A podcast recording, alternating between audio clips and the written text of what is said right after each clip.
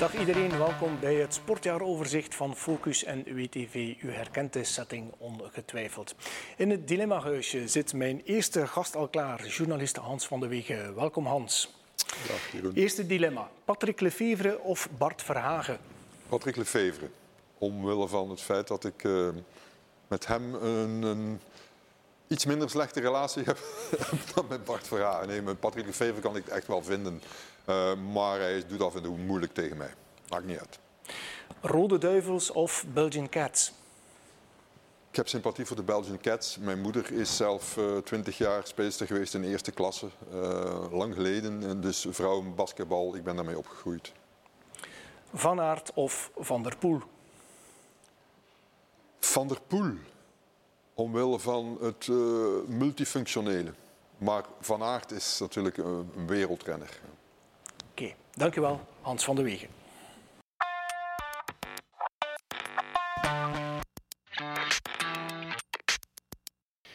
Mag ik iedereen om te beginnen een gelukkig nieuwjaar toewensen, want we zijn eindelijk van dat vermalendijde jaar 2020 af. Het is een cliché, maar things can only get better. Binnen een paar dagen start de vaccinatiecampagne en dan kunnen we eindelijk kom afmaken met dat verdomde coronavirus en een gigantische stap zetten richting een iets of wat normale wereld. In alle geledingen van de maatschappij heeft het coronavirus er serieus ingehakt, en dus ook in de sportwereld. Het regende annulaties en waar het toch kon doorgaan, zaten we toch vooral met een onheimlich gevoel. Leegte, dat was het ordewoord dit jaar. Je kon een speld horen vallen in de zo goed als lege voetbalstadions. Nog nooit waren de zitjes in de tribune zo desolaat. Even mocht er met mondjesmaat wat publiek binnen, maar met al die coronamaatregelen was er toch niet veel lol aan te beleven. Lang duurde het ook niet en binnen de kortste keren zaten er alleen weer wat bestuursleden met een mondmasker, tot zover de menselijke aanwezigheid. Maar niet alleen de voetbalstadions waren leeg, natuurlijk ook hier in de Versluisdoom piepen de schoenen net iets luider dan anders. En dat was ook in het volleybal zo. Het gedokker van de wielen en het gekreun van de renners op de kasseien van de Kemmelberg klonk harder dan anders. De winnaar balt de vuist, maar naar wie? Welkom trouwens ook aan mijn tweede gast, Renaat Schotter. Hoe heb jij die leegte ervaren, Renaat? Um, absurd um, bij momenten. Um, ja, wielerwedstrijden met heel weinig volk. Al waren er dan ook een aantal uitzonderingen in de Ronde van Frankrijk. Vooral in de Ronde van Spanje is die leegte mij opgevallen. Daar kwam je op bergen waar, waar geen levende ziel te bekennen was, waar de politie uh, manu militari de weinige geïnteresseerden ook makkelijk tegenhield. En de renners dan eigenlijk in, in een ja, uh, vreemde omstandigheden, een desolate leegte, vooral de Angliru is met bijgebleven, um, waardoor we de Angliru op een heel aparte manier hebben leren kennen. Maar, maar uh, ook koers zonder publiek is niet hetzelfde als koers met de massa. Ja. Hoe zwaar is die impact van het virus op de sportwereld geweest? Eigenlijk financieel, maar ook sportief eigenlijk. Voor de mensen die hun competities altijd maar zagen uitgesteld worden. Nou ja, er zijn natuurlijk twee sporten die er minder last van hebben gehad. Hè. Dat is wielrennen en voetbal. Hè. En ik vond wielrennen uiteindelijk nog een, een heel mooi wielerjaar. Dus wat dat betreft denk ik dat wielrennen echt dit jaar redelijk goed heeft overleefd. Het voetbal natuurlijk, ja, financieel uh, zijn daar een aantal inkomsten weggevallen. Maar de belangrijkste inkomst, de televisierechten, is gebleven. Dus als de voetbalclubs zeggen het gaat slecht, dan denk ik van ja, zet eens de tering naar de nering en dan zal het wel weer normaal gaan. Ja, maar toch, dat verlies wordt op 275 miljoen euro gerekend. Dat is gigantisch. Hè? Ja, maar de voornaamste inkomstenbron, televisierechten, zijn gebleven. Dus hm. ik denk van, uh, waarom, vraag, waarom hebben jullie geen cao's met de spelers waarbij de uitgaven, mensen de salarissen, gerelateerd zijn aan de inkomsten. Dus als er zoiets gebeurt, uiteraard wist niemand dat dit zou gebeuren. Maar in de toekomst denkt men daar wel aan om in die contracten te zetten, kijk, als onze, onze inkomsten onder druk staan door dat soort zaken, ja, dan gaan jullie salarissen ook zakken. Wat we hebben gezien bij Barcelona, hè, er moet 60% af van de salarissen bij Barcelona. Waarom? Omdat die inkomsten met 60% zijn gezakt. Ja.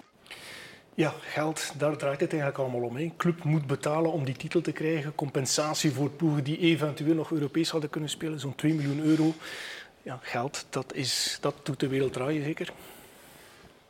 We zijn natuurlijk slecht vertrokken in België. Uh, in België is, is de minst solidaire competitie van heel Europa. Ik geef daar nu toevallig les over, dus ik ken die bedragen wel. Wat er naar kleinere clubs gaat en naar grotere clubs in al die landen. In België is de minst solidaire samen met Nederland. Dus krijg je dat terug. Dus krijg je altijd die chantage van die kleinere clubs die ententes vormen met andere clubs. Dan krijg je opmerkingen zoals uh, half december van Paul Gijsens, die de G5 maar niks vindt. Dat is de man van Antwerpen, maar dat is ook een West-Vlaming uiteindelijk. Dus ja, er, het zit slecht in elkaar in België. Hè? Dus, uh, en, en, onderaan is daar altijd een soort mestoop waar, waar allerlei ongedierte zich uh, schuilhoudt. Hè? Dat hebben we nu ook weer gezien, daar met Roeselaren. En waar altijd weer clubs uh, uit de boot vallen, failliet gaan. En, uh, er is geen gezonde bedrijfsvoering van Belgisch voetbal. Punt ja. uit. Ja. Op sportief vlak doet de club het wel uitstekend natuurlijk. Hij is met Clément de beste trainer bijna. Met uh, Hans van Aken de gouden schoen. Misschien ook wel het grootste talent met Charles de Ketelaar. Dus sportief zit het daar wel goed. Denk ik ook. Um, de club heeft toch een, een heel mooie Europese campagne gedaan in, in de Champions League. Het, was ja, die, die bal op de deklat, daar, daar denk dat veel mensen daar wakker van liggen. En niet minst de, de, direct betrokkenen bij Club Brugge. Dat had een wereld van verschil kunnen maken. Hè. Nu natuurlijk um, met die loting uh, in de volgende ronde van de Europa League. Kiev, dat is een, de minst uh, leuke tegenstander. Het wordt een zware topper in, na het Europese overwinteren. Ze zitten er nog, nog in, maar ja Waar gaat dat nu naartoe leiden? Dat is weer een andere vraag. Ja, de club heeft sportieve voorsprong, alhoewel dat nu niet meteen blijkt misschien. Maar ook uh, budgetair en structureel hebben ze wel een voorsprong op de rest in België. Ja, um, met dank dan aan Bart Verhagen, die dan toch eigenlijk um, zijn paleisrevolutie heeft kunnen omzetten in iets wat nu nog moet um, ja, duurzaam blijken. Daarvoor moeten er nog een aantal seizoenen overheen gaan om dan te kijken waar, waar het schip strandt. En je zit er natuurlijk ook met dat uh, eindeloze stadionverhaal waarvan je toch hoopt dat het zo snel mogelijk dan eens achter de rug is, waardoor het weer 100% over voetbal kan gaan. Want de jongste tijd ging het toch iets te veel over nevenzaken soms. Ja. Hoe, hoe kijk jij naar dat stadiondossier, uh, Hans? Schamperlachend uiteraard. Want, uh, ja, ja, maar ik, ik, ik begrijp dus niet dat men in Brugge niet inziet dat een stadje als Brugge, want het is een stadje, zeg soms een dorp met water rond, maar laten we zeggen een stadje als Brugge, denkt dat ze twee stadions kunnen bouwen en daar ruimtelijk ordening gewijs mee weg kunnen. Daar zijn ze ook op veroordeeld. Hè? Dus dat er veel te veel ruimte wordt ingenomen, open ruimte voor het voetbal. We hebben iets als een betonstop, hè, waar we momenteel aan het afkondigen zijn. En dan gaan ze dus voor een club als Cercle een stadionnetje zetten en voor een club als club, ja, die mogen een nieuw stadion hebben, die moeten een nieuw stadion hebben.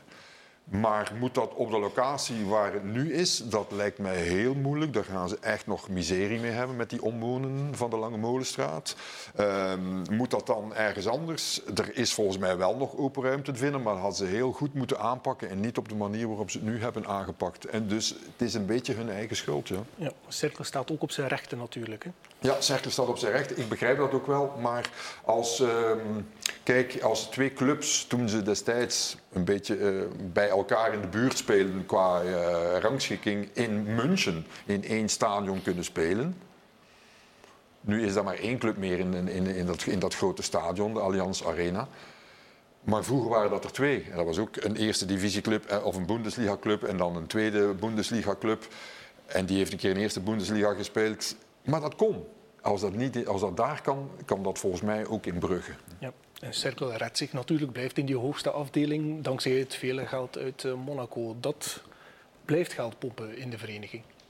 Ja, het is niet meer de cirkel van vroeger. Um, sommige critici zullen, zullen het dan ja, een B-Monaco noemen, of uh, hoe je het ook uh, wil omschrijven. Um, je kan daar vraagtekens bij plaatsen, of dat dat dan eigenlijk nog iets bijbrengt aan, aan de gemeenschap, aan het stadje Brugge. Uh, al ben ik het niet 100% daarmee eens, want ja, je zit daar nu eenmaal met dat grote verschil tussen, tussen club en cirkel. De ene ploeg heeft een ander stadion nodig dan de andere, omdat dat voor cirkel is het eigenlijk een ja, een, een, probleem zijn om in een groot stadion te spelen dat dan eigenlijk door club is neergepoot, alleen al qua sfeer. Dus ik, ik snap wel de redenering om voor een twee, tweede stadion te gaan. Nu, uh, Cerkel, je kan zeggen wat je erover wil. Vorig jaar, uh, de vorige competitie, dat mirakel om dan toch in eerste klasse te blijven. Ja, daar kan je alleen maar je goed voor afnemen. Op welke manier ze het dan ook uiteindelijk hebben klaargespeeld. Ja.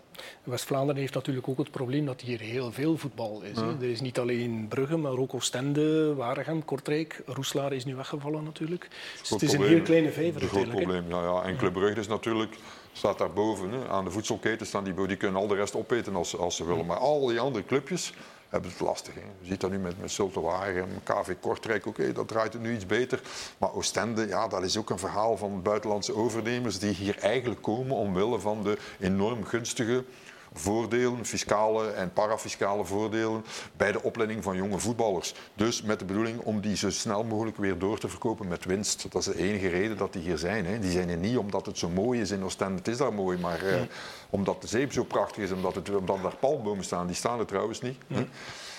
De enige reden is, het is een goed land, het is een goed leven, een beetje veel coronadoden, maar goed. Uh, maar voor de rest is het, het is klimaat om, om, om, een voetbalclub te leiden hier, hier fantastisch. En toch maken wij 200 miljoen verlies. Enfin, vorig jaar 85 miljoen.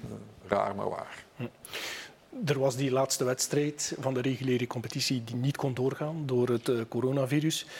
Wat daar nadien over gepalaverd is, dat grenst ook aan het ongelooflijke uiteindelijk. Nee, dat was een drama. Hè. Had die doorgegaan, dan hadden we dat mooi kunnen afsluiten. Mm. Nu sowieso club, ja, die, zijn die waren kampioen. Hè. Die waren er met, staken er met kop en schouders bovenuit. Al de rest is natuurlijk in de slipstream daarvan ook geregeld geworden. Dan die, die, die, die tweede Europe, de tweede plaats voor Gent. Ja, daar kon je al meer vragen bij stellen, want dat zag er niet naar uit dat ze dat gingen kunnen behouden. Maar goed, er zijn daar ja, deals gemaakt tussen clubs. Uh, maar was dat nu na 30 speeldagen geweest, dan had iedereen daar vrede mee gehad. Nu had men daar geen vrede mee. En met name Waasland Beveren, uh, die zijn er dan in geslaagd om, om te zeggen van ja, maar uh, niet met ons. En die, mogen, die mochten dan nog een beetje blijven ook. En vandaar dat we nu weer met 18 spelen. Hm. Ja. Het vrouwenvoetbal wordt nu ook enorm gepromoot met de Red Flames, met Tessa Willaert als boegbeeld. Dat mag en dat moet, um, maar we moeten oppassen denk ik, en we zien dat ook in een aantal andere sporten, dat we niet te veel fases overslaan in de ontwikkeling van, van vrouwensporten. En dan denk ik aan, aan een voorbeeld in het wielrennen, een, een voorbeeld in de, in de toekomst. Um, ik heb het er moeilijk mee als, als de, met pariteit tussen man en vrouw. En nu ga ik verschrikkelijk seksistisch klinken misschien bij sommige kijkers. Maar als er um, gendergelijkheid moet zijn op de Olympische Spelen in 2024 tussen mannen en vrouwen. En we gaan 90 vrouwen laten starten, wat ik toejuich. Maar vervolgens ga je dan het mannenpeloton inkrimpen tot 90, waardoor je in de toekomst een heel andere Olympische wegrit zal krijgen met minder kwaliteit vind ik een vreemde evolutie. En, en ik vraag me af of dat dan eigenlijk uh, de manier is waarop we gendergelijkheid moeten promoten. Niet op die manier volgens mij. Nee, daar heb je groot gelijk in, Renaat. Uh, het is uh, al lang dat ik dat zeg. toen ik daar begon les over te geven, waren er, denk ik, vrouwen, 6, 37 procent van de deelnemers dus vrouwen. En toen was er al een berekening dat het zes keer makkelijker is wereldwijd voor een vrouw om een medaille te winnen dan, een, dan voor een man. Als ze nu naar inderdaad naar 48, 49 procent gaan, denk 48 en zoveel in Tokio en ze willen naar 50 gaan in uh, Parijs, dan wordt het nog veel makkelijker. Dat is ook niet de manier, denk ik. De manier is wel om bijvoorbeeld die Red Flames en al die clubs. Ik vind dat bijvoorbeeld, kijk, die vrouwen van Club Brugge, die moeten een budget krijgen waarmee een aantal speesters prof kunnen worden, waarmee misschien de hele ploeg prof kan worden. Hetzelfde bij Gent, hetzelfde bij Standaard, hetzelfde bij Anderlecht. En dan ga je het niveau naar boven brengen ook. In het wielrennen zorg voor een mooie omkadering. Zorg ook dat elk team, ik zou, Patrick Vever zal het niet graag horen, maar ik zou die ploegen verplichten om er een vrouwendivisie bij te nemen. Je hebt toch de servicekoers daar rond. Hm. En, en, en zo kunnen die dan groeien. En je moet ze natuurlijk niet aan banden houden en zeggen van ja, maar jullie mogen. Hè. Dus die 90-90, daar heb je gelijk in. Dat is natuurlijk onzin. Hè. We gaan teams hebben van drie ploegen, van, van uh, landenploegen met drie renners nu. Ja, maar natuurlijk. Zo wordt het. Hè. Ja. Via die ene sporttopper Tessa Willard gaan we naadloos over naar een andere. Delphine Persoon, die heeft lang moeten pushen voor die rematch tegen Katie Taylor. Eerst komt die mislukte run op de Spelen en dan dat godsgeschenk. Maar ja, het is op niks uitgedraaid. ik, ik, blijf het nog altijd een mysterie vinden. Dus ik, uh, ik had dat dan uh, niet live, uiteraard. En dan, dan uh, krijg je de dag nadien een berichtgeving binnen. En haar commentaar is van ja, en, en, deze keer ben ik terecht verloren enzovoort enzovoort enzovoort. Ja, verdorie. Ja, goed, oké, ja, het zal wel. Ik ken te weinig van boksen. Als ik die rondes zie, ik kan dat niet tellen. Hm. Oké. Ik kom bij Delphine persoon daarna, ik doe een interview met haar, eh, of ik gesprek, of, of, en, en ik, dan ineens verandert het allemaal. Eh, ik zeg, ja, maar ik ben misschien toch niet terecht verloren. Oei. Uh, vervolgens heb ik nu uh, een paar weken geleden hebben ze nog een keer de kamp bekeken, gefilmd op gsm. Met een ex-collega van mij, Ronald Leboeuf, bokskenner. Plus de Van den Driesjes, die ook bokskenner. En die zeggen dan, ja, eigenlijk heeft Delphine gewonnen. Ja, dan denk ik van, wat is daar allemaal gebeurd? Nu, van in het begin wist iedereen, uh, Delphine, in New York ga je die anderen moeten uitslaan uit de ring. Of ze zal winnen. Ja, dat is ook gebeurd. En dat is ook nog een keer gebeurd in Engeland. Ja, jammer, maar helaas. Nu, ze heeft er goed mee verdiend. Dat is het enige wat we haar kunnen gunnen natuurlijk. Ja ze wil nog altijd naar de Olympische Spelen, maar het is toch een wereld van verschil. Dat profboksen in vergelijking met dat amateurboksen? Ja, de, reglementen zijn om te beginnen anders. Um, maar ik denk dat het Delphine siert dat ze mikt op de Spelen, omdat daar is alleen maar sportieve roem te rapen. En uh, wat je zegt over die kamp, die, die tweede kamp, de rematch, ja, ik heb hem wel gezien live. En ik zat onmiddellijk met het gevoel van ze wint op punten, maar ze zal nooit winnen, omdat ja, als uh, bezoekster moet je eigenlijk met knockout winnen. Dat is een ongeschreven wet in het boksen die al vele decennia geldt en die ze eigenlijk op voorhand had kunnen weten. Uh, ik denk dat ze twee keer uh, haar kampen gewonnen heeft tegen Taylor, maar daar koop je uiteindelijk niks mee. En, en dat maakt voor haar carrière en haar financiën en de boksclub waarbij ze betrokken is, dan wel een wereld van verschil. Maar waarom, zegt, waarom zegt ze dan na die tweede kamp, ja, deze keer uh, heb ik er vrede mee dat ik ben ver, Ik denk dat dat de West-Vlaamse bescheidenheid is. En, en ze zat ook met een blessure. Uh, haar neus was al behoorlijk toegetakeld. Ik denk zelfs gebroken. En, en ze wist, ik denk dat ze meteen aanvoelde, ja, ik kan deze kamp niet winnen. En, en, maar op de persconferentie ja. twee dagen nadien zei ze al van, hm, ik heb waarschijnlijk wel gewonnen. Dus ja, het uh, ik vind het wel, ik vind het wel een, ik vind het wel een, een klassevrouw ja. uh, als sportster. Goh. Dat, dat verandert niks aan de situatie natuurlijk, blijft een topsportvrouw, hè, dat wel. Ja, ja, en, en om terug te komen op die Spelen, ik denk als ze haar voorbereiding daar normaal kan doen, dan is ze daar zeker een kanshebster. Want uh, bij het laatste kwalificatietoernooi waar ze, waar ze bij betrokken was, was ze niet in orde. Ze was ziek ja. en ze kon daar eigenlijk haar kansen niet verdedigen. Dus ik denk dat we dat, dat kwalificatietoernooi gewoon moeten vergeten. En als zij in orde is bij het volgende kwalificatietoernooi, dan gaat ze naar Japan.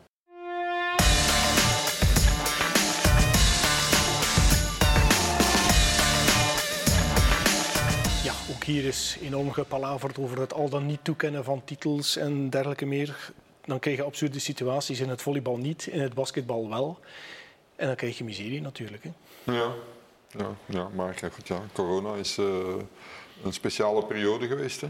En uh, ik, ja, het toekennen van de titel aan Oostende in het basketbal, misschien was dat wat overdreven. Uh, hadden ze misschien beter niet gedaan.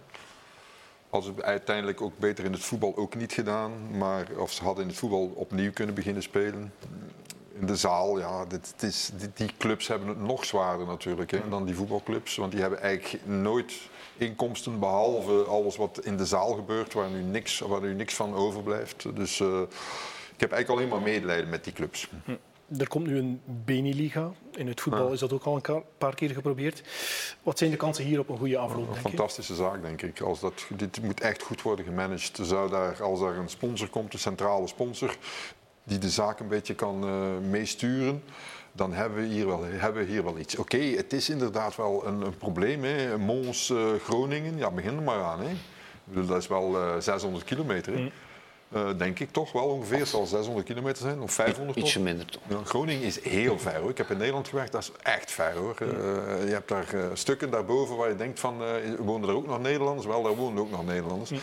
Maar ja, ze hebben uh, geen slechte teams. Ze zijn iets minder goed dan de onze. We kunnen die misschien wel naar boven trekken. Ik denk dat het in interessant wordt. Ja. Maar BCO en Knak Roeslaar moeten sowieso wat meer tegenstand krijgen in eigen land. Hè? Ja, maar dat is een verhaal van jarenlang. Hè. Ik bedoel, wat hebben we jarenlang gehad in het, in het, in het volleybal? Knak Roeslaar tegen Noordelijk Mazeik. Hmm. En dat was dan in één keer Mazeik, die won, de andere keer Roeslaar. De laatste jaren meer Roeslaar omdat die iets meer middelen hadden. Uh, en Oostende, ja, die, die spelen kampioen als ze het echt willen. Hè. Maar uh, die moeten nu toch wel een beetje gaan verjongen, denk ik. Hm. Twee Belgian Cats zitten in de selectie voor de sportvrouw van het jaar. Julia en Emma Meesman. Dat duidt op het succes van de ploeg. Ik heb, ik heb trouwens zelf op hen gestemd, dus uh, ik vind het terecht um, dat zij dat verhaal dan eigenlijk uh, kunnen omzetten in een individuele bekroning. Um, ja, ik vind het een fantastisch verhaal. Zoveel vrouwen, Belgische ploegen, krijg je tenslotte niet op spelen. Ik denk dat het in de geschiedenis uh, heel zeldzaam is. Je zal het ongetwijfeld weten, de hoeveelste vrouwenploeg het is op Olympische Spelen. Dus dat is echt wel een, een historische prestatie. Dus ze verdienen alle lof.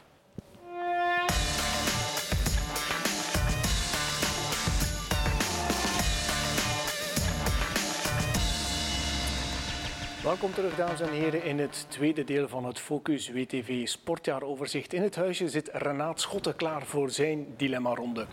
Lampaard of Van Marken?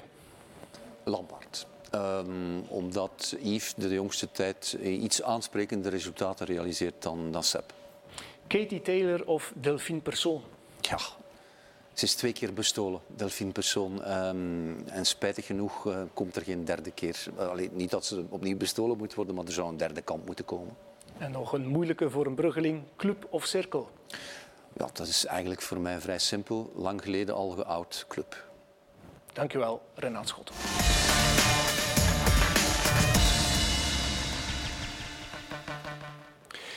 Ja, Wielerman is bij ons en dan gaan we het over zijn specialiteit hebben en dat is, u raadt het nooit, de koers. Renaat, wat mij is opgevallen dat renners eigenlijk geen publiek nodig hebben om er een spektakel, om er een mooie koers van te maken. Nee, dat is waar. We hebben ongelooflijk mooie wedstrijden gezien dit jaar. Te veel om op te noemen eigenlijk in, in een knotsgek seizoen. Ja, die hele kalender, of toch een groot deel daarvan, samengepropt in, in drie, misschien vier maanden. Um, ja, toen, toen um, de hele lockdown in het begin van het jaar uh, vorig jaar begon, ja, toen zag ik het echt somber in. En uiteindelijk hebben ze die kalender van de hoop dan gerealiseerd en hebben we fantastische koersen gezien. Van bij de herneming met de Strade Bianchi. Daar was wel nog wat volk aanwezig, omdat op dat moment de epidemie wat zwakker was. Dus je kreeg toch wel een soort enthousiasme. Er was geen volk bij start en finish, wat een merkwaardig gegeven was om een, een, een lege Piazza del Campo te zien in Siena toen Wout van Aert won. Dat waren een beetje ja, surrealistische taferelen, maar de beleving van de renners die was er onderweg wel. En ze reden alsof er, alsof er honderdduizenden mensen langs de kant van, uh, van het parcours stonden. Ja, klopt. Goed seizoen, zegt hij zelf, Yves Lampaard. Maar zonder die val en zonder corona, wat was het dan geweest? Dat is een niet te beantwoorden vraag natuurlijk. Hè. En ja, er is ook geen Parijs-Roubaix geweest, ook zo'n uh, hiaat eigenlijk uh, in, in dit jaar, wat heel jammer was. Want ik, ik, had, ik zat met het gevoel dat dat ook een brok politieke onwil was van, van ASO om daar eigenlijk niet genoeg druk te zetten. En, uh, want uiteindelijk is Parijs-Roubaix meer een Vlaamse wedstrijd dan een Franse wedstrijd. En ik hoop dat ze het voor volgend voorjaar wel klaarspelen, want de epidemiologische situatie zal wellicht niet veel anders zijn. Jumbo-Visma was misschien wel de ploeg van het jaar, maar de Koning Quickstep heeft het ook weer niet slecht gedaan. Hè? Patrick Lefevre krijgt het toch altijd maar weer voor elkaar. Fenomenaal, hè? Uh, hoe, die, hoe die ploeg aan elkaar hangt. Uh, met, niet met één trainer zoals in het voetbal, maar met verschillende trainers. Maar die mentaliteit en, en die, die, die, die inzet van die, die gasten. Ik zei Lampard en de Klerk, dat zijn ja, Lampard. En, dat, is, dat, is, dat is een fenomenaal figuur. Hè? Als je daar ik, heb daar met, ik ben nog twee jaar, vorig jaar naar het WK gegaan om een dubbel interview te doen. Lampard, de, de Klerk, dat is, dat is echt een hoogtepunt als je daarmee kan praten. Dan ben je echt blij, dan ga je blij van tafel. denk je, ja, ik heb hier iets en die we zitten op elkaars nek, die, die, die maken elkaar af. Maar dat zijn eigenlijk vrienden, fantastische vrienden. En, en, maar ook als je die ziet koersen, zo, kijk zo in de Klerk, ik ben heel tevreden dat Tim de Klerk uh, weer die, die uh, zweetruppel heeft gewonnen van Bestig. Die man, ik zie die altijd maar rijden. En ik kijk natuurlijk, jij, jij zit in de wedstrijd, maar ik kijk altijd op televisie. En eh, de Klerk is daar. En voor En ik rij ook met die koersfiets en ik weet wat het is om daar voorin te rijden in plaats van op de vierde plek. Ik denk van, ja, hallo zeg. Tim de Klerk, begin er maar aan. Hè. En die dan gesolliciteerd heeft bij Lefebvre, zei van, ik kan ook rap rijden. Mag ik? Hè? Ja, doe maar. Ja. Kijk. Die mannen van de Melkerie ook, uh, die, die jutten elkaar ook wat op. Hè. Het seizoen dat Jonas Ricard maakt in dienst van Mathieu van der Poel, die heeft ook gigantische stappen gezet. Ja, uh, zeker. Uh, je zit er ook met, met een Gianni Vermeers in de entourage van, van Mathieu van der Poel, die, die dan ook uh, zich specialiseert in die gravelwedstrijden. Het, het, is, het is op vele vlakken een zeer interessante koersperiode in, in de geschiedenis van deze sport, omdat we een overgang hebben van, van generaties. Ja. En dat uitzicht op alle vlakken. En het leuke van, van figuren als, als Lampard en, en Tim de Klerk het zijn West-Vlamingen. hè. Dan mogen we even chauvinistisch zijn. Het zijn jongens die dan toch in die Europese ploeg, die wereldploeg, die, die de Koning Quickstep is, het mooie weer maken. En dat is mooi dat die link met, met het thuisfront dan toch aanwezig blijft. Ja. Wat mij opvalt is, is, als ik even iets mag zeggen, is, en dat, dat ga je toch beamen, die nieuwe generatie is eigenlijk sympathieker dan de vorige. En in het voetbal is dat omgekeerd. Hè. In het voetbal heb je altijd maar meer en meer, eh, meer, en meer moeite, korte coaches. Maar die... Nu komen we op glad ijs, hè, om, om voetbal en wielrennen te vergelijken Nee, qua, maar ik qua bedoel, die, die, nieuwe, die, die nieuwe gasten die, die komen, die zijn gewoon open. Die, die praten, die, die zeggen zelf goeiedag. Ik ben mijn Lampaard tegen het lijf gelopen vorig jaar op een of ander Normandisch strand.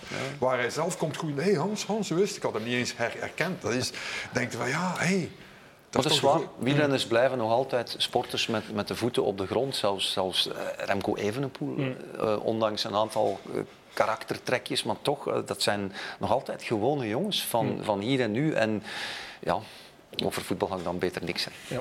Doorbraak van die jonge jongens, zoals een Evenepoel, zoals een Van Aert, dat is slecht nieuws natuurlijk voor de iets wat oudere generatie. hè. Dan denk ik aan eh, een Sepp van Marken bijvoorbeeld. Ja, die zal het heel moeilijk krijgen om nog iets te winnen, ondanks het feit dat hij nu Ja. Verenigd wordt met Dirk de Mol, eindelijk. Want die wil hem al jaren in de ploeg. Ja, dat is waar. Maar Sepp is dan ook niet het, het prototype van de afwerker. En ja, hij zit daar met, met een heel beperkte actieradius in de wedstrijden waarin hij kan scoren. Maar toch, eh, hij mag niet wanhopen. Hè. De dag kan komen en misschien is dat dan volgend voorjaar dat die puzzel toch past op een of andere manier. Ik denk dat hij nog altijd de kwaliteiten heeft om, om ooit te scoren in of de ronde of Roubaix. Want ja, dat blijven zijn twee droomwedstrijden onbe, onbetwistbaar. hè. Als ik er nog een West-Vlaming mag uitpikken, Xandro Murissen, die was goed begonnen aan het seizoen in Murcia, daar wint hij. Was ook nog 15 in de Ronde van Vlaanderen, niet echt zijn terrein. Volgend jaar gaat hij bij Van der Poel rijden. Ja, Wel niet meteen in zijn dienst, eh, denk ik dan. Nee, ik denk dat hij in de Ronde van Frankrijk, eh, wat een belangrijk doel wordt voor die ploeg, de eerste keer dat ze daar kunnen starten, dat hij daar volledig zijn eigen kans kan gaan. En ik denk dat, dat uh, Meurisse volledig zijn seizoen zal focussen op, op die Ronde van Frankrijk. Die Tour de France, dat moet zijn, zijn moment dan worden als, uh, als, ja, als ronderenner. Eigenlijk. Qua renners zitten wij goed in West-Vlaanderen, want er is heel wat jong klimtalent. Dat is opvallend. We hebben het jaren niet gehad. Er is een Mauri van Zevenhand, een Harm van Hoeken, Henri van den Abelen nu. Weg van de kasseien, weg van de Vlaamse heuvels. Jongens die een ander pad kiezen. Eindelijk, hm, zou ik zeggen. Want dat is een beetje te veel altijd geweest. Uh, ah ja, we, we, de Van Petegem-syndroom uh, noem, ik dat. Hè. We, we, we, presteren van het volk tot en met Roubaix en dan zien ze ons niet meer. Uh, ik denk dat het geen enkel probleem is. Natuurlijk, die kleine klimmertjes, ja, dat is een ander verhaal. Die gaan mm. daar afgedokkerd worden van die kasseien. Maar er is ook een tussensoort die een beetje van alles kan. Er is geen enkele reden waarom er geen soort van aard zou kunnen opstaan, die eigenlijk een beetje van alles kan. Ik denk dat we goed bezig zijn met, met de ontwikkeling. En een van de, de pluspunten, vind ik, is van uh, de, de, de KBWB is al lang bezig met de klimstages en zo. En ik denk dat dat nu eindelijk een beetje zijn vruchten begint af te werpen. Ze hebben daar ook een aantal wetenschappers nu en trainers, goede trainers aangesteld, die weten wat ze, wat ze met die jongens moeten doen. En, en ook binnen de ploegen zitten er nu ook goede trainers. En die begeleiding is een stuk beter. Hm. Dat is duidelijk. Ja, waar ze ook op mikken is de piste. Dan in het vrouwenwielrennen zie ik daar talenten door, doorcijpelen. Shari Bos-Zuid en mm. Marit van Hoven. Die leren het métier op de piste en scoren nu ook al op de weg. De piste, het is een, een, liefde die bij mij nooit overgaat. De piste is de basis van heel veel zaken. Eigenlijk zijn heel veel successen van, van het Britse wielrennen terug te voeren op de ontwikkeling of de evolutie die ze een aantal jaren hebben uh, geleden doorgemaakt. Terug te voeren op het baanwielrennen. En, en ik denk als je als België, als wielerland zijnde, als je die, die ontwikkeling, die, um, die jeugdopleiding op de piste, als je die op de juiste manier kan, kan triggeren, dan gaan we daar alleen maar vruchten van plukken op de weg ook. Dus, dus hoe meer pistiers er zitten aan te komen en die presteren, hoe meer talent er later ook op de weg voorradig kan zijn. Dus het is, het is een kruisbestuiving. Ja, hoe kijk je naar het veldrijden? Is dat meer en meer een niche-sport aan het worden? Of kan bijvoorbeeld een Tom Pitcock toch weer voor een internationale belangstelling zorgen? Ik zou niet zeggen dat het een niche-sport is, uh, gezien het feit dat, dat uh, de fenomenen van Aert en Van der Poel en ook Pitcock er nu uit voort uh, gaan komen. Um, het punt is, het veldrijden heeft, heeft een probleem door zijn organisatie, door het feit dat het niet olympisch is. Dat is een enorme handicap voor, voor het veldrijden om eigenlijk internationaal de stap te zetten naar, naar een professionele Europese omgeving en waardoor het circuit te beperkt blijft tot België. Dat is het probleem van het veldrijden. Maar de renners die erin groot worden, die kunnen ook presteren op de weg. Er komen, er komen klassieke types uit, Van Aert dan in eerste instantie, er komen klimmerstypes uit. Uh, Pitcock, die het al eigenlijk bewezen had voor hij in het veld dan ook weer uh, is beginnen doorbreken. Dus, dus je kan daar heel veel richtingen mee uit. En het blijft een, een activiteit die de winter eigenlijk zeer aantrekkelijk maakt.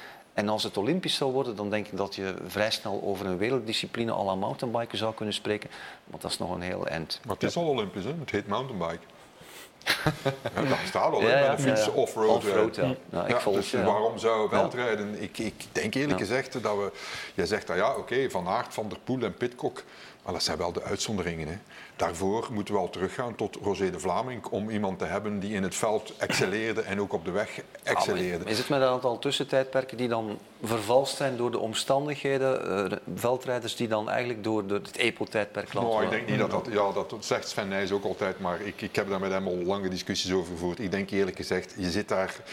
Kijk, Eli Iserbit is een fantastische veldrijder, maar dat is een Solex. Hm. En nu komen daar, dat is een 125 cc misschien, oké goed, die heeft rondgereden en die wint. En nu komen daar de 500 cc's bij. Ja, dan wordt het wel iets lastiger. Dat hebben we gezien in, sorry, in, al, in al die wedstrijden. Dat hebben we gezien in, in, in, in, in, in Gaveren, hebben we gezien in andere wedstrijden ook. Het, is heel moeilijk voor die jongens. Maar ik, ik kan Hans volgen, hè. Maar wat Iserbiet betreft, we weten dan eigenlijk niet wat hij waard is op de weg. 355 watt, max. Ja, maar wat maakt het uit? Hij is een lichtgewicht. Als hij... Nee, nee, 300, nee, nee. Je, moet die 300, je moet 455 watt kunnen trappen op de weg, omdat je gewicht, daar ben je al vanaf. Je moet niet bergop. Maar Iserbiet zal, zal een fantastische klimmer zijn. Dat is een feit. Maar dat is mijn punt. Dus hij heeft gewoon nog niets gedaan op de weg eigenlijk, waardoor we weten wat hij waard zou zijn. Mocht hij alle van Aert, alle van der Poel zeggen van, hm, en nu gaan we eens kijken wat we op de weg allemaal kunnen bereiken. Ik denk dat dat op dit moment een vraagteken is. Zolang het bergop gaat, zal hij goed zijn. En als het vlak is en zijn wattage is niet hoog genoeg, dan zal hij zoals in, deze, in de wedstrijden die we gezien hebben, als Van der Poel en Van Aert terugkomen en Pitcock, heeft hij gewoon niet genoeg hmm. power dat is, of vermogen. Maar als het bergop gaat, kan hij al een heel eind komen. Hè? En dan zitten we weer bij die, bij die jeugd, die klimmers die we jarenlang niet gehad hebben hmm. in, in België. Straks hebben we Lambara Duchois met, met al... En het leuke is dat het dan West-Vlamingen zijn. Hè? Hmm. Van de Nabele, tweede in de Baby Giro. Uh, Zo'n uh, Van Zevenand. Dat zijn ongelooflijk interessante, leuke, lokale verhalen ook, die me echt wel boeien. Ja. Hoe dan ook was de belangstelling voor het veldrijden, dat was tanende. Ja, dat, dat is waar. De vraag is dan, hebben ze ja. een Iserbit en Sweek, hebben zij die X-factor om die belangstelling hmm. gaande te houden? Ik denk dat de talende belangstelling um, deze winter ook wel voor een deel te wijten is aan, aan het coronaverhaal, aan het feit dat de mensen niet ter plekke kunnen gaan, waardoor ja, publiek ter plaatse zorgt toch altijd voor een extra animo en ook uh, geeft toe als je zit te kijken naar, naar een cross zonder publiek. Ik, een wegwedstrijd zonder publiek is makkelijker verteerbaar hmm. dan een veldrit zonder publiek. Hmm. Dat is wel een, ja, een serieus nadeel voor de cross geweest toch. Ja.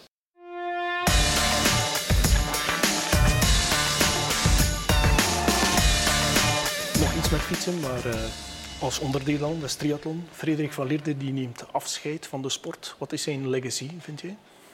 Ja, Ironman, hè. Ja, zo zijn er niet te veel. Mm. en hij heet ook nog Van Lierde. De andere Van Lierde is ook al weg. Mm.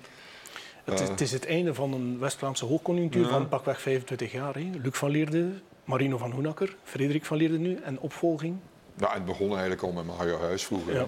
Dus uh, ik heb dat allemaal meegemaakt. Uh, ja, ik was bij Luc uh, in 99 toen hij de Ironman voor de tweede keer won. Was ik de enige, als enige journalist daar, want niemand geloofde erin. Zelfs Focus niet, die waren er niet. Want jullie zijn er altijd, maar toen waren jullie er niet. En ik was er bij toeval, want ik kwam van Australië terug. Ik was daar voor de Olympische Spelen geweest, vooraf aangaand. En ja, dat was, ja, ik vind ja, dat zijn ook gasten waarbij je dan onwaarschijnlijk graag gaat. Hè. Marino van Unakker ook. Is een beetje stugger, stugger dan die anderen, maar toch, als je daar dan bij gaat, ja, die zijn dankbaar dat je daarbij komt. Je kan, je kan daar goed mee praten. Uh, en dat zijn mensen, ja, dat zijn trainingsbeesten, harde werkers. Uh, ja, alleen maar respect. Ik heb één Ironman zelf gedaan. Ja, dat, is dan, dat scheelt dan een uur of vier met die jongens hè, als ik aankom. Dus, ja. Ze hebben wel voor een enorme populariteit van de sport gezorgd. Hè. Uh, jij als Bruggeling hebt ook nog wel de triathlon in Brugge meegemaakt. Ja, op een mum is dat uitverkocht. Ja, dat altijd. leeft. Hè. En, ja, en triathlon in Brugge is, is een begrip. eh, heel veel triatleten, de, de bevolking leeft dat ook echt. Ja. Laat ons hopen dat er daar toch weer een talent uit opstaat en die dan de voetsporen van de twee van Lierders kan drukken. Het zou mooi zijn. Ja. Even de glazen bol erbij. Krijgen we Olympische Spelen in de zomer? Wel, ik heb mijn ticket geboekt, dus ze moeten er zijn. Hè. ja, ik denk het wel. Ja, als, zoals het er nu naar uitziet, denk ik dat ze met eh, verplichte vaccinaties zullen werken. Hè, wat eigenlijk geen probleem is, want als je nu naar India gaat of naar Kenia, twee landen waar ik nu toevallig ben geweest, dan moet je ook met dat gele boekje moet je ook klaar hebben. Ze vragen niet altijd, maar dan moeten vaccinaties in staan voor allerlei soorten toestanden. Hè. Dus eh, ik denk dat dat ook kan. Eh, Ik denk niet dat dat een probleem is. Of iedereen daar naartoe zal kunnen, of het publiek daar op elkaar zal zitten, dat eh, lijkt mij heel moeilijk. Ja. Er zijn er die praten over Olympische wedstrijden, niet meteen over Olympische Spelen. Wat aparte wedstrijden zo. Maar niet inderdaad eh, op één locatie in Tokio, waar alles en iedereen moet samenkomen. Dat zit er wel niet in, denk ik.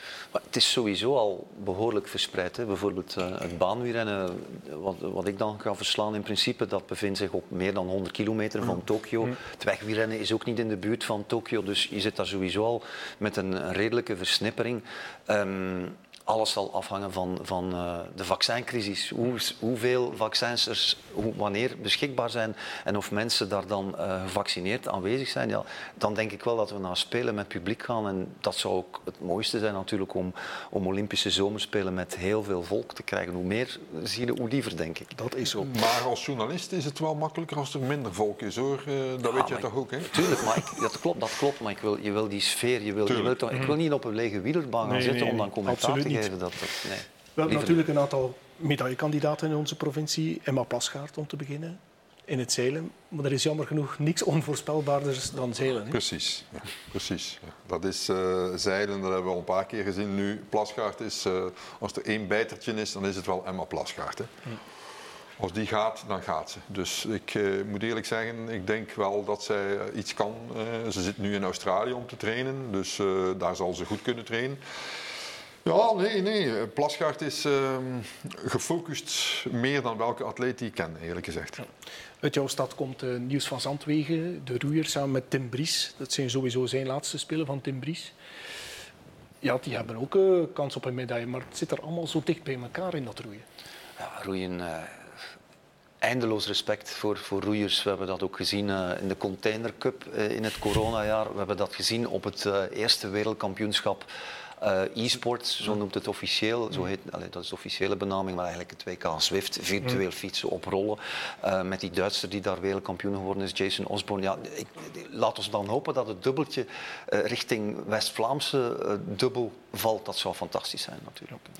Nog zo'n Olympische sport bij uitstekken, dat is het zwemmen. Daar hebben we Fanny Lecluze. Die wordt wel al 29. Dat is al niet meer van de jongste, maar het kan, het kan nog. Halve Halve fi- Zij hoopt zelf op een finale plaats. Ja, ja, als halve finale, ja, als ze bij de beste 16 van de wereld zou kunnen zijn. Het zal dan de 200, de 200 worden waarschijnlijk. Hè. Hoe ouder je wordt, hoe minder snel. Eh, ja, nee, ik denk dat halve finale max, maximaal is voor haar. Tenzij ze een boost krijgt van haar Victor. Hè. Kan ook zijn. Dat kan natuurlijk, ja. Daar moet je niet aan twijfelen. Voxnor. Eh, we hebben ook een wissel op de toekomst, maar dat is pas voor Parijs 2024. Dat is een, een nieuwe diamant. Maxime Bliek uit het breaking, breakdance, zeg maar. Dat, zweeft zo tussen sport en kunst. Eh, ja, ik, ehm, ja, ik, het kan zijn dat ik naar Parijs ga. Het kan zijn dat ik met pensioen ben. Ehm, maar ik weet nu niet of ik naar breaking ga kijken, eh, eerlijk gezegd. Eh, maar goed, ik heb dat destijds ook gezegd van BMX. Ik ben naar BMX vertrokken in 2008 met een collega. En we hadden allebei gezegd, eh, we gaan dit in de grond schrijven. En ik heb vijf minuten, ben vijf minuten staan, staan kijken. En we hebben een lyrisch verhaal gemaakt over BMX.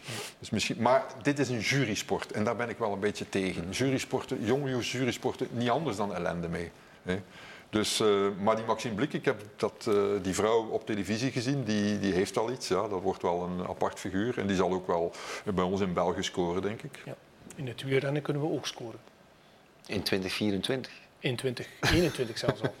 Ja, nee, in 2021, ja, tuurlijk. Ehm, ja, ik denk alles is mogelijk. Hè. Je zit daar met uh, Evenepoel, uh, Van Aert. Uh, ik vind het wel heel jammer in het baanwielrennen dat we Nieke de Grendelen gaan moeten missen. Zij hoort eigenlijk op die spelen. Ze heeft een paar mindere campagnes achter de rug. En het was ook heel moeilijk voor haar om als individueel atlete, want zij moet dan eigenlijk alle punten voor België verzamelen om zich te kwalificeren voor ISO. En ja, ik denk dat voor haar dan, zij moet mikken op, uh, op Parijs. Het is niet anders. En ze is nog jong, ze heeft nog wat tijd voor de boeg. Laten we hopen dat ze het volhoudt en dat zijn Parijs er dan wel bij is. Ja. ja. wij zijn alleszins heel benieuwd naar wat de toekomst zal brengen. Maar laat ons toch vooral hopen op enige normaliteit.